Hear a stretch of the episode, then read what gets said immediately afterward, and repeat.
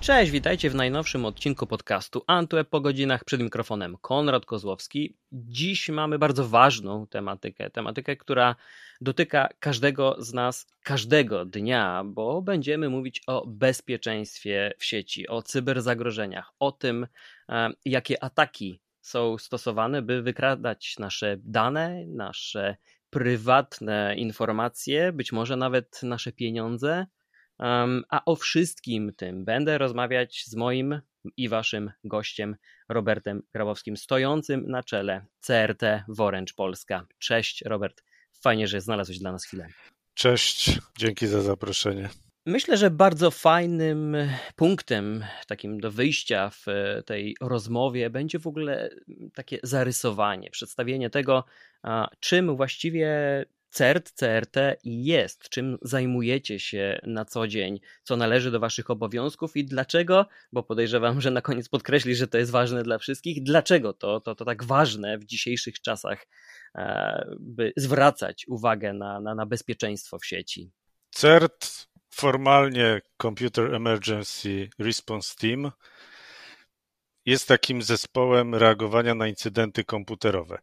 Oczywiście tych certów jest wiele, certy narodowe, sektorowe, czyli na przykład w branży energetycznej. My jesteśmy certem jednego z największych operatorów w Polsce, stąd też jesteśmy nastawieni na te wszystkie incydenty sieciowe i te, które mogą spotkać właściwie internautę każdego dnia, i na nie głównie reagujemy i im staramy się przeciwdziałać. Tak na co dzień, co należy do, do, do Twoich obowiązków? Czy bywają takie dni, że e, musicie błyskawicznie reagować na, na, na pewne zagrożenia, czy raczej e, podsumowujecie to co, to, co dzieje się E, w, w sieci i reagujecie, może nie tak jak Straż Pożarna, ale czy, czy, czy może w taki sposób profilaktyczny też? Można powiedzieć, że w każdym aspekcie, to znaczy spora część naszej pracy to tak naprawdę reagowanie natychmiastowe, bo dzisiejsze zagrożenia, które uderzają, można powiedzieć, w każdego, e, są bardzo krótkie, to znaczy bardzo, mają bardzo krótki czas życia. Czyli jeżeli idzie fala złośliwych SMS-ów, idzie kampania złośliwego oprogramowania, to jeśli nie zareagujemy bardzo szybko, to właściwie równie dobrze możemy nie reagować w ogóle, bo SMS-y będą wysłane, linki będą kliknięte, domena w tym czasie będzie aktywna. Wszyscy ludzie, którzy mieli kliknąć, klikną i właściwie z tej ochrony nic nie będzie. Także jest bardzo duża część taka mocno operacyjna, w której trzeba reagować bardzo szybko. Natomiast jako zespół również realizujemy analizy i analizujemy te zagrożenia, incydenty, i to już jest dłuższa praca. Oczywiście jest fragment takiej bardzo szybkiej analizy, kiedy musimy coś zablokować i być pewnym tego, co robimy. Mhm. Później przychodzi czas na pogłębioną analizę, żeby no, rozszyfrować ten atak, poszukać y, ataków pochodnych i również musimy rozwijać nasze narzędzia. Także drugim, a właściwie już trzecim aspektem naszej pracy jest rozwój tych narzędzi i to już jest, można powiedzieć, deweloperka. Mhm. I w wyniku tych analiz, o których e, wspomniałeś, e, no, powstaje raport, który jest też pewną bazą dla dzisiejszej rozmowy. To bardzo obszerny dokument mówiący o tym, jak wyglądało bezpieczeństwo, jak wyglądały niebezpieczeństwa, cyber e, które czyhały na, na, na użytkowników, no, nie tylko waszej sieci, ale w ogóle w, też w internecie. Gdybyś mógł pokrótce opowiedzieć, jak te niebezpieczeństwa się rozkładały, w jaki sposób sposób e, nieprzychylne nam osoby, mówiąc bardzo dyplomatycznie, próbowały e, nas podejść. E, jak, to należy rozgraniczyć? O jakich kategoriach tutaj mówimy i o jakim udziale? Od ładnych kilku lat już wydajemy roczny raport zespołu Certoręcz Polska i Rzeczywiście jest on takim podsumowaniem naszych rocznych obserwacji i naszej pracy. W tym roku, jak to się rozkładało? Ponad 40% wszystkich obserwowanych przez nas zagrożeń to phishing. I rzeczywiście jest to lwia część naszej pracy, wykrywanie tych e, domen phishingowych. Na drugim miejscu stale można powiedzieć ataki wolumetryczne, czyli ataki DDoS, czyli ataki mające na celu zablokować usługę, zablokować stronę internetową, spowodować, że ona jest niedostępna. I około 16% to złośliwe oprogramowanie, czyli malware, wirusy, e, to oprogramowanie, które instalujemy chcący bądź niechcący, no zazwyczaj niechcący na naszych telefonach i komputerach. Mhm. A gdybyśmy rozwinęli ten wątek e, phishingu, jak to się objawia? E, to znaczy, jak z Waszej perspektywy to wygląda? Bo oczywiście, gdy powiemy o widoku z perspektywy użytkownika, no to to będą jakieś e-maile, może SMS-y, linki, próby naciągnięcia na, na, na pewne mm, oszustwa, a z waszej strony, jak to wygląda? Jak, jak, jak reagujecie na takie rzeczy i w jaki sposób moglibyście też um, przestrzegać użytkownika? Jak w ogóle wygląda cała ta, ta, ta kategoria e, z perspektywy waszego zespołu? Ta zdecydowanie największa kategoria ma też kilka oblicz, można powiedzieć. Czyli tak, z jednej strony mamy taką pracę manualną, czyli reagowanie na zgłoszenia, na wszystkie zgłoszenia, które otrzymujemy, analizujemy i staramy się rozpoznać, z jakim zagrożeniem phishingowym mamy do czynienia. I to jest to, co, co powiedziałeś, czyli to są właśnie SMS-y, to są bardzo dużo złośliwych reklam wszędzie, na, na portalach informacyjnych, w mediach społecznościowych, zalew, fałszywe inwestycje, fałszywe giełdy kryptowalut. Czy na przestrzeni lat zauważyliście, że to się zmienia, że to przyjmuje jakieś właśnie nowe oblicza, że są może w jakiś sposób bardziej wyrafinowane te próby podejścia użytkownika? Przestępcy cały czas szukają nowych scenariuszy, żeby nas podejść. Te niektóre scenariusze stają się już, że tak powiem, wytarte. Pewnie duża jest świadomość o tych scenariuszach, na przykład powiązanych z tak zwanym oszustwem nakupującego, gdzie dostajemy, otrzymujemy fałszywe linki, wystawiamy jakiś przedmiot na sprzedaż, dostajemy link. No tutaj chciałem szybko, szybko zrealizować zakup, link do, do fałszywego portalu aukcyjnego. Tego, o, tym, o tym jest już bardzo głośno, więc zaczynają się pojawiać nowe, nowe scenariusze, czyli wchodzi blik, wchodzi dopłata podatku, wchodzi odbiór odszkodowania. I, I cały czas z blikiem z kolei mieliśmy na Facebooku przesyłane od znajomych, żeby podali nam y, kod blik, bo jest trudna sytuacja. Czyli tutaj mamy w pierwszej kolejności przejęte konto na Facebooku, następnie zalew tymi wiadomościami wszystkich znajomych. Najnowszym wariantem z kolei jest nakłonienie użytkowników do odbioru pieniędzy poprzez podanie kodu BLIK. Czyli jakby totalnie nowy scenariusz, mhm. to nowa wariacja. I to jest, to jest coś, co muszę przyznać, ta kreatywność zaskakuje mnie często. Tak człowiek się zastanawia, co jeszcze można wymyśleć i nagle pojawia się coś nowego. Z drugiej strony, na przykład mamy masowe domeny, już bardzo ciężko przypominające te oryginalne serwisy, czy, czy są już, czy wręcz to, o czym piszemy w naszym raporcie, że zablokowaliśmy w tym roku e, blisko, w ubiegłym roku blisko 13 tysięcy wildcardów, czyli domen, właściwie wszystkich subdomen w obrębie jednej domeny. I i z takimi phishingami mamy teraz do czynienia. Domena wręcz 658.114.xyz, czyli zupełnie losowa, numeryczna, z niczym niezwiązana. Na którą nikt nie zwraca uwagi. Tak, nikt nie zwraca uwagi. Z przodu, owszem, pojawiają się subdomeny ze słowami mniej więcej jakieś OLX-y, oferta, Wintedy, Inposty, owszem. Natomiast w niczym to już nie przypomina tych oryginalnych witryn i, i tymi domenami zalewani są użytkownicy, więc to, to, to bym postrzegał jako takie uwstecznienie tego modelu, ale ta masowa skala powoduje, że, że, że to działa. I to jest chyba najbardziej zaskakujące, że pomimo tak wielu e, prób wytłumaczenia i też e, ukazania zagrożeń przy tego typu transakcjach, przez internet, użytkownicy wciąż mimo wszystko w pierwszej kolejności klikają, dokonują pewnych czynności, podejmują je zamiast e, zacząć powątpiewać w niektóre rzeczy, sprawdzić, zweryfikować. Czy możliwa jest jeszcze jak, czy możliwe jest jakieś jeszcze przeciwdziałanie temu? W jaki sposób można edukować e, użytkowników, e, skoro nadal pozostajemy w tej tematyce phishingu? Właściwie każdy nasz raport to coraz większe liczby. W tym roku ponad 5 milionów ochronionych użytkowników, rekordowe ilości zablokowanych domen, rekordowe ilości incydentów, a tymczasem w tle coraz więcej edukacji, coraz więcej artykułów, informacji, przebicia się tego cyberbezpieczeństwa do mainstreamu i to rzeczywiście wszystko wydaje się niewystarczające.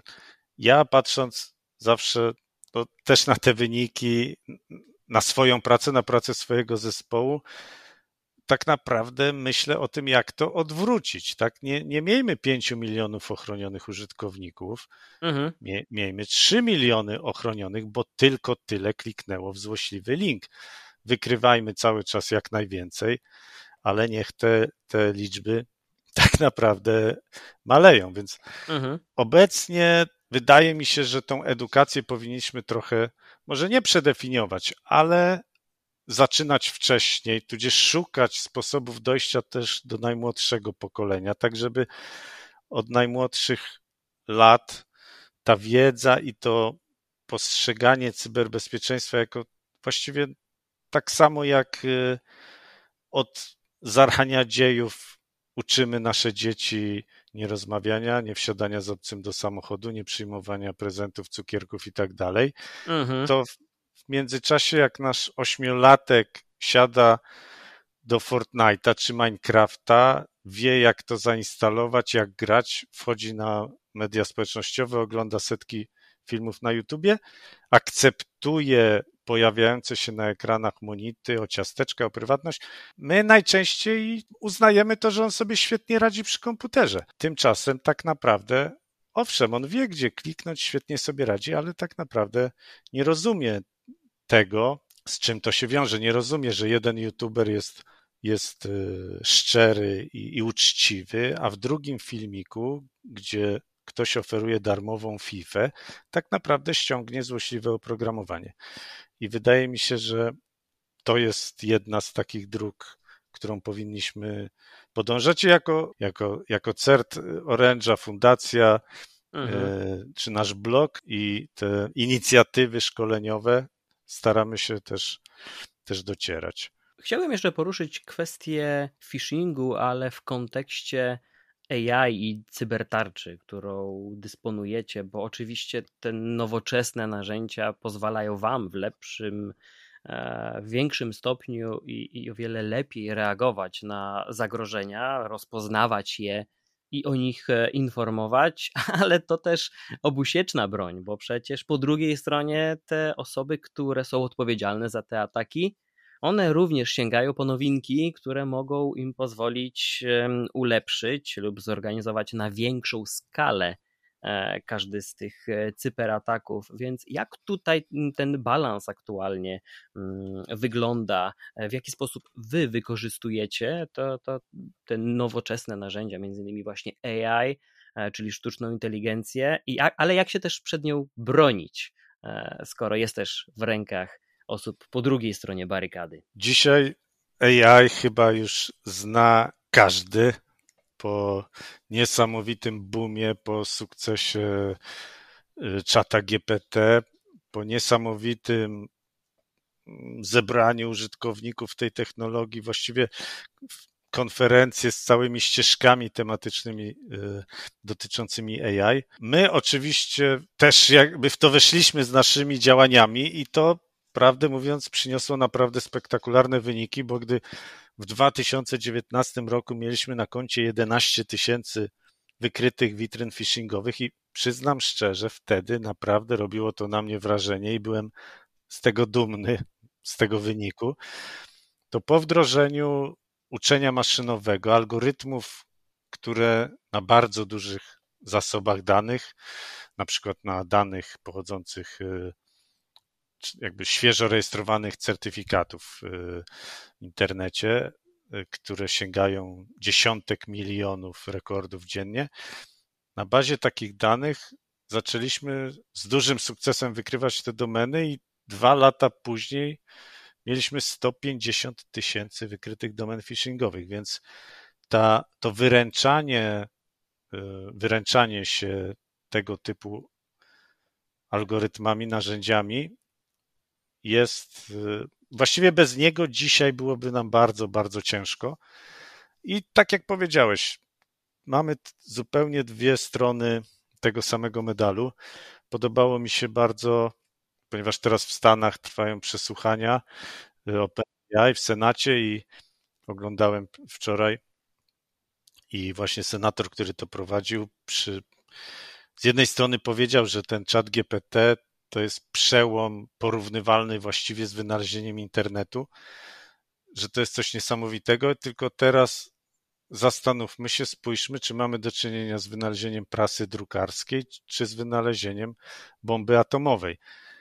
I to jest trochę taka kwintesencja kierunków, w które ta technologia może pójść i jak jest wykorzystywana. Czyli z jednej strony, my też o tym pisaliśmy, możemy nakłaniać ten w szczególności taki silnik konwersacyjny do układania świetnych phishingów, piękną polszczyzną.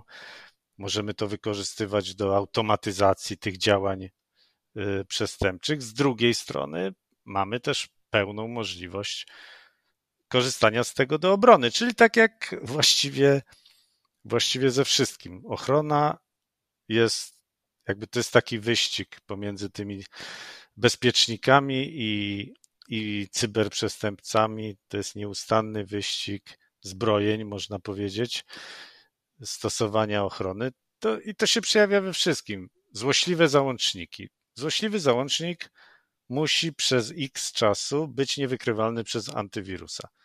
Jeżeli on może być niewykrywalny godzinę, dwie, cztery, osiem, e, im dłużej będzie niewykrywalny, zanim firma będzie potrafiła go wykrywać, tym będzie w stanie więcej zainfekować osób. Chciałbym teraz poruszyć e, dwie pozostałe kategorie, czyli ataki DDoS i złośliwe oprogramowanie, um, bo one zajmują drugie i, i, i trzecie miejsce pod e, względem udziału, e, tak jak wspomniałeś, odpowiednio 20 i, i 16 E, w raporcie możemy przeczytać, że ataki DDoS miały mm, nieco mniejszą siłę niż, niż rok wcześniej, więc ten trend e, wzrostowy jest zauważalny. Z czego to może wynikać i jakie cele e, mogą cyberprzestępcy, mówiąc oględnie, próbować osiągnąć za pomocą tego typu ataków? Przyznam szczerze, ta analiza tych ataków DDoS jest, jest trudna Mhm. Z racji tego, że jako operator tak naprawdę tych ataków przez, przez naszą sieć przewijają się dziesiątki tysięcy. No, można Pewne tezy można tutaj przyjmować. Na przykład w ostatnim roku mamy taką bardzo dużą aktywność w obrębie prorosyjskich i proukraińskich grup, które wykorzystują ataki DDoS i powstało właściwie ich blisko 200 sumarycznie, bo blisko 100 prorosyjskich i wydaje mhm. mi się, że w okolicach 100 lub więcej takich proukraińskich grup. I ta zmiana w statystykach, te delikatne zmiany procentowe, różnice w atakach y, słabszych, mocniejszych mogą właśnie z tego wynikać. Te grupy często korzystają ze społeczności do ich przeprowadzenia.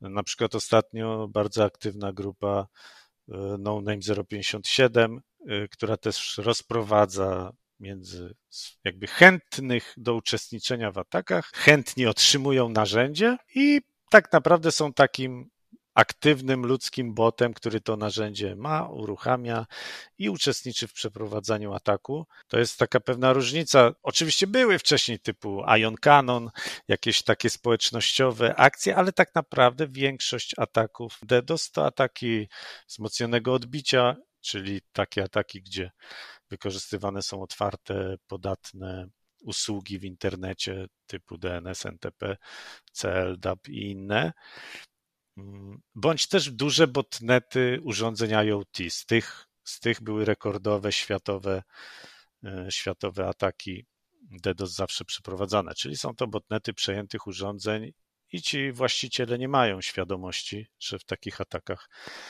uczestniczą. Jeszcze pozostając w kontekście e, tutaj, bo wspomniałeś o tych atakach pro-rosyjskich lub pro-ukraińskich.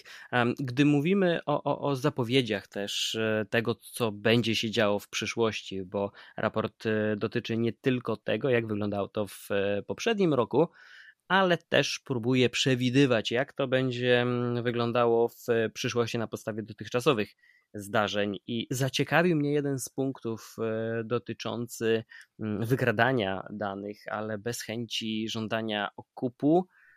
I ta wojna tutaj ma polegać na kompromitowaniu ofiar, a nie wyłudzaniu pieniędzy.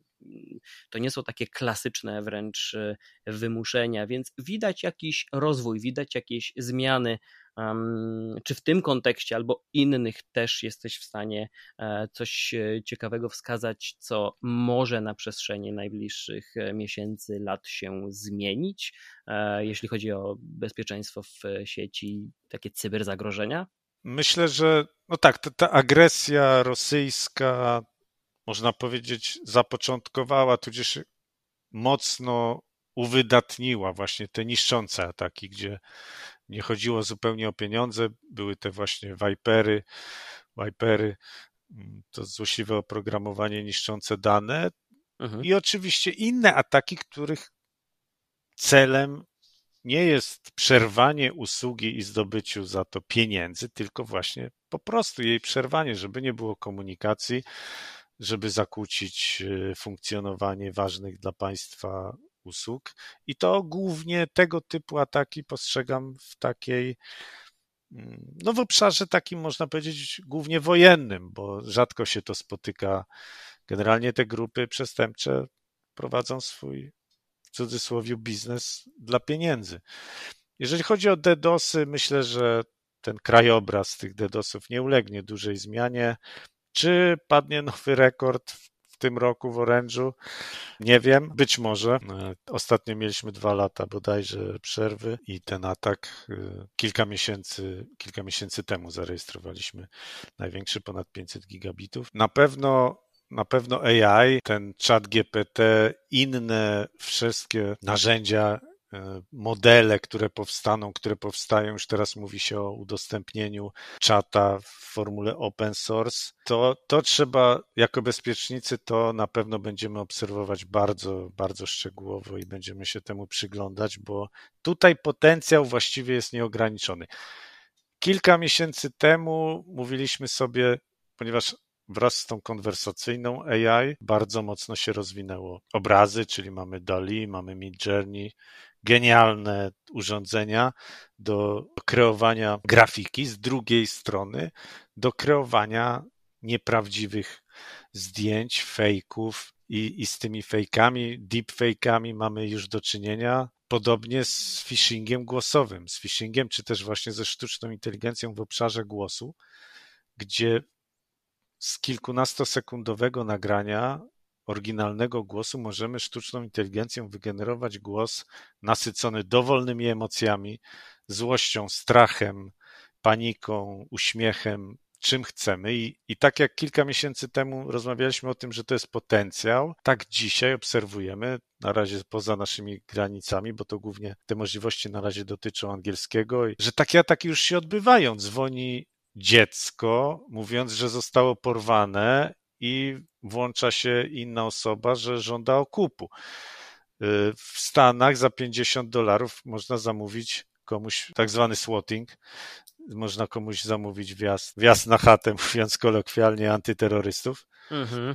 I to już się dzieje na naszych oczach, więc tutaj ten potencjał jest właściwie nieograniczony. Nie wiem, nie wiem, z czym przyjdzie nam się mierzyć za pół roku, ale wiem, że musimy na to być gotowi i musimy to, to obserwować. To są takie niebezpieczeństwa, które właśnie z czasem chyba dopiero ich e, potencjał i skala pokażą, e, z jak dużą rewolucją, jak z jak dużymi zmianami mamy tak naprawdę e, do czynienia, a te dotykające też na co dzień wszystkich użytkowników zagadnienia no to przecież rosnąca popularność IoT, rozbudowa nawet e, smart home'ów i, i innych podobnych e, ekosystemów. E, mówimy też o coraz większej popularności rozwiązań w chmurze, które mm, no chyba też już nieświadomie w jakimś stopniu są wykorzystywane przez użytkowników. Myślę, że spora część nie zdaje sobie sprawy, w jak dużym stopniu ich codzienność e, polega na, na rozwiązaniach online, które te 10-15 lat temu e, były totalnie poza naszym e, zasięgiem. No i gdy mówimy o tych dwóch um, kategoriach, to trochę przeraża mnie wręcz ta zapowiedź, że będziemy musieli się zmierzyć z rosnącą skalą ataków na infrastrukturę 5G, mm, co też wynika z rozwoju tej sieci, a także z atakami na infrastrukturę chmurową, e, gdzie mają powstawać e, nowe odmiany ransomware'u, wręcz wytresowane, jeśli można użyć takiego słowa, z myślą o, o, o tego typu infrastrukturach.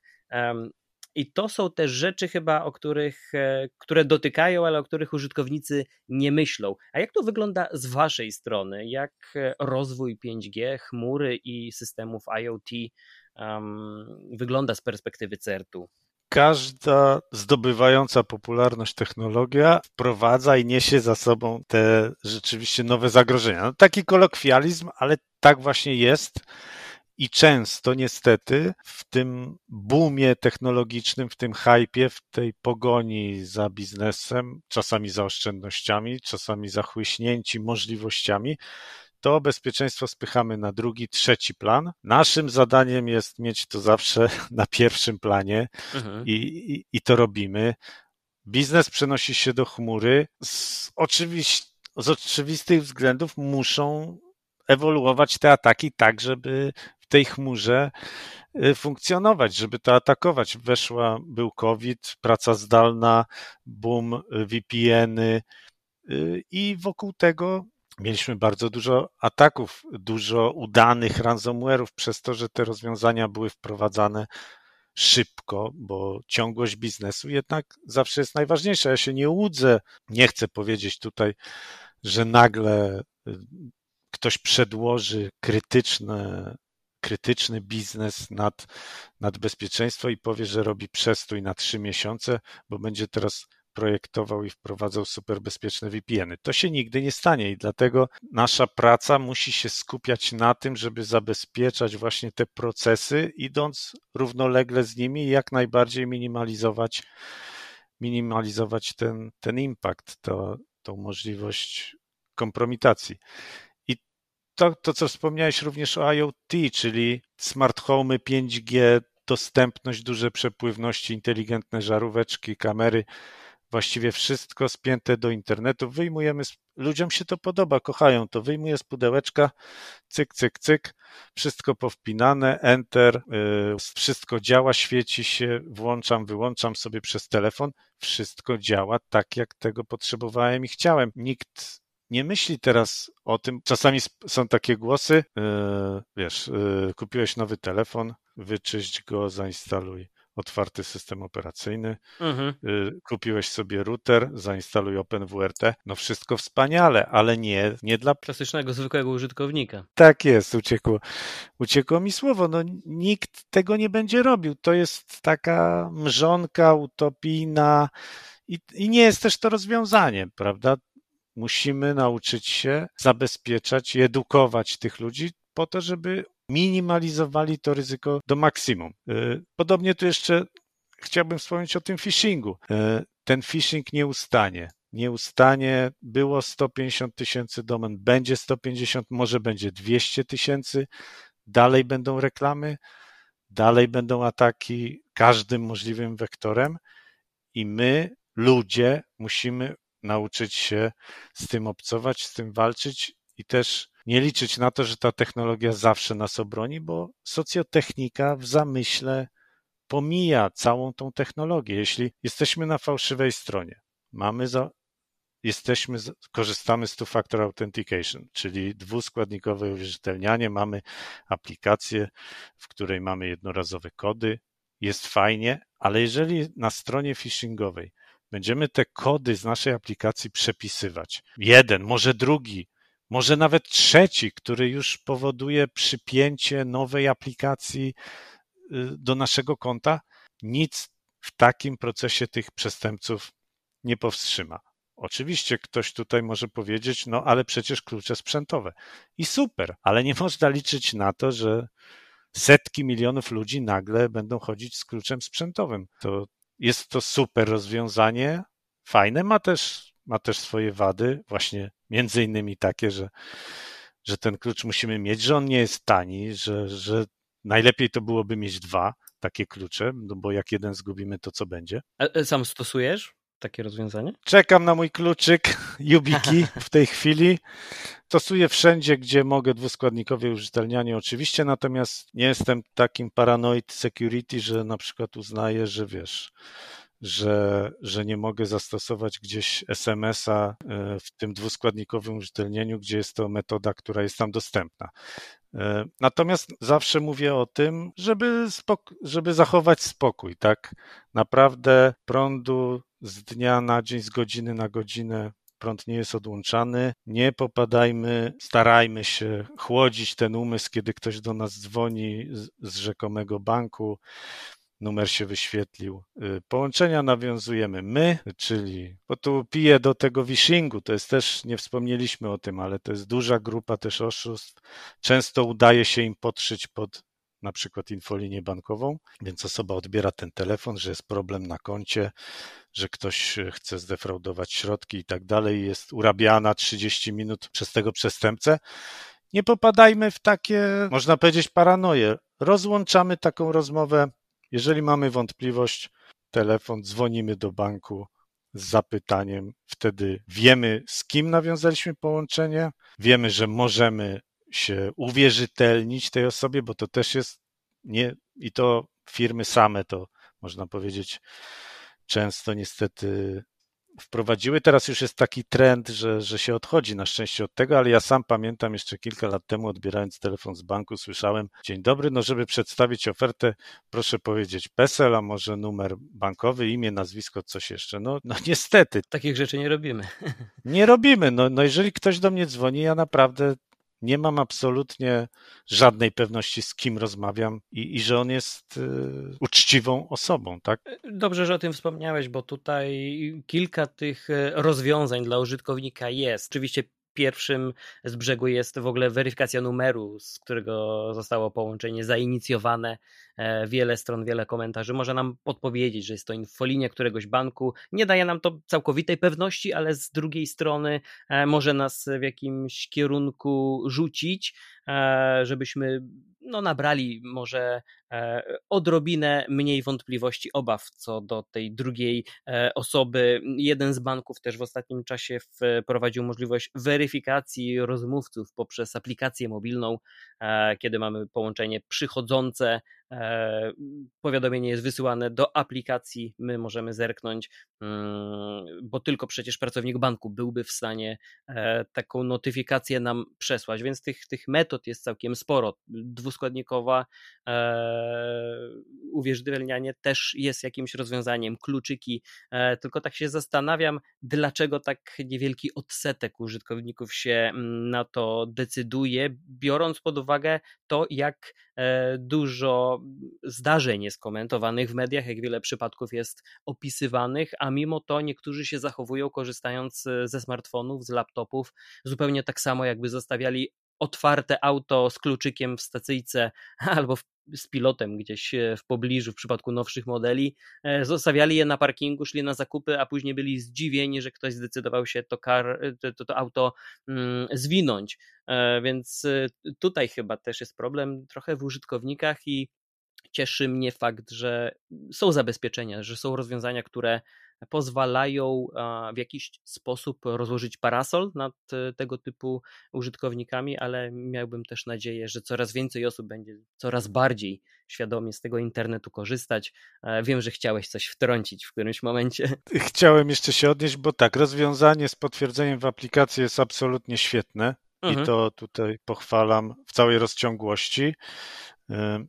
Natomiast dopóki jest możliwość podszycia się pod numer telefonu, tak zwany CLI spoofing. Dopóki są egzotyczni operatorzy, czy też operatorzy, którzy za pieniądze udostępnią możliwość przedstawiania się numerem, do, który do nich nie należy i gdzieś różnymi kanałami będą wstrzykiwać takie połączenia, to zaufanie musimy mieć ograniczone również do wyświetlanego numeru, yy, który widzimy. Tak, to dlatego właśnie tutaj musimy jednak yy, skupić się na tym, że oczywiście nie ma, nie wiem, dzwoni Krystyna z fotowoltaiką, możemy sobie rozmawiać, tak? Natomiast jeśli coś dotyczy naszych danych yy, poufnych, prywatnych, traktujmy je właśnie jako, jako poufne i udostępniajmy je tylko wtedy, kiedy mamy stuprocentową pewność, że to jest niezbędne i wtedy najlepiej, kiedy sami dokładnie wiemy, z kim się,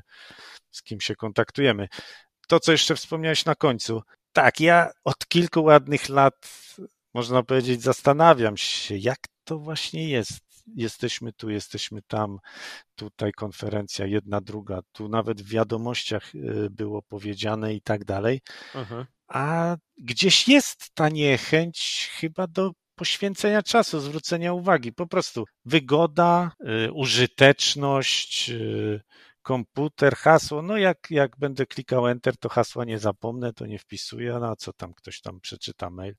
A że w mailu rok temu przecież skanowałem dowód i gdzieś mhm, wysłałem, albo paszport, co sobie tak. leży, albo paszport, y, czy, czy właśnie to, co mówisz, no hasło mam łatwe z imieniem i z rokiem mojego urodzenia do banku. Mimo tego wszystkiego, myślę, że trochę, trochę jak w tych starych przysłowiach i, i dopóki komuś się nie przydarzy, to myśli, e, że to że to jego nie dotyczy. Ostatnio miałem też bardzo ciekawy incydent, tak na koniec szybciutko pewnie, mhm. bo sporo czasu już rozmawiamy, e, gdzie użytkownik, e, użytkownika router został schakowany, przejęty i padło takie pytanie, ale przecież to niemożliwe, bo ten atakujący musiałby znać adres mojego routera.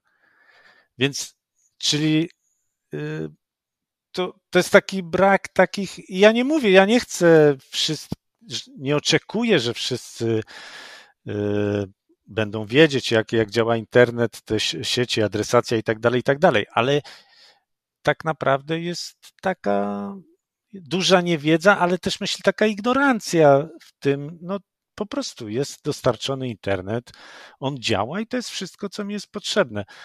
A to, że tak naprawdę tu nie ma żadnej magii, tylko po prostu przestępcy skanują cały internet w poszukiwaniu danego modelu urządzenia i nawet nie wiedzą, że atakują tą i tą osobę, ich to nie obchodzi.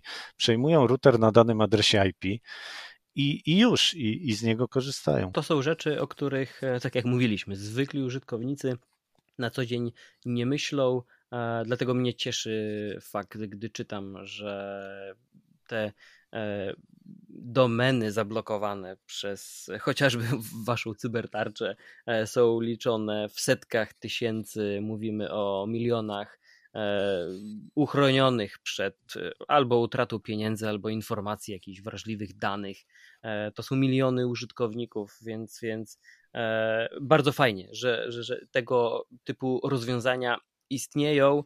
E, no miejmy nadzieję, że też nawet ta dzisiejsza rozmowa przysłuży się temu, żeby ta świadomość, trochę może nawet zainteresowanie z tym, co się dzieje z moimi danymi e, w internecie, jak je zabezpieczyć, jak o nie dbać, e, będzie rosła, bo tak jak dzisiaj każdy wychodząc z domu pamięta, żeby przekręcić przynajmniej w jednym zamku kluczyk albo kliknąć to w aplikacji, jeśli ktoś już jest bardzo mm, zafascynowany smart home'em, to, że w równie dużym stopniu będzie dbać o, o swoje bezpieczeństwo e, w sieci. Jeżeli wrócimy do tego tematu w przyszłym roku, po raporcie z 2023, mam nadzieję jednak, że te, te liczby trochę zmaleją, że może gdzieś mm, zainteresowanie użytkowników e, wzrośnie. Także Robercie, bardzo serdecznie Ci dziękuję za dzisiejszą rozmowę, za poświęcony czas. Dziękuję bardzo, będziemy walczyć cały rok o, o lepsze wyniki. Super. Na Be pewno. Będę trzymał kciuki, a, a drodzy słuchacze, Wam dziękujemy za wysłuchanie tego odcinka i do słyszenia następnym razem. Trzymajcie się, cześć. Cześć.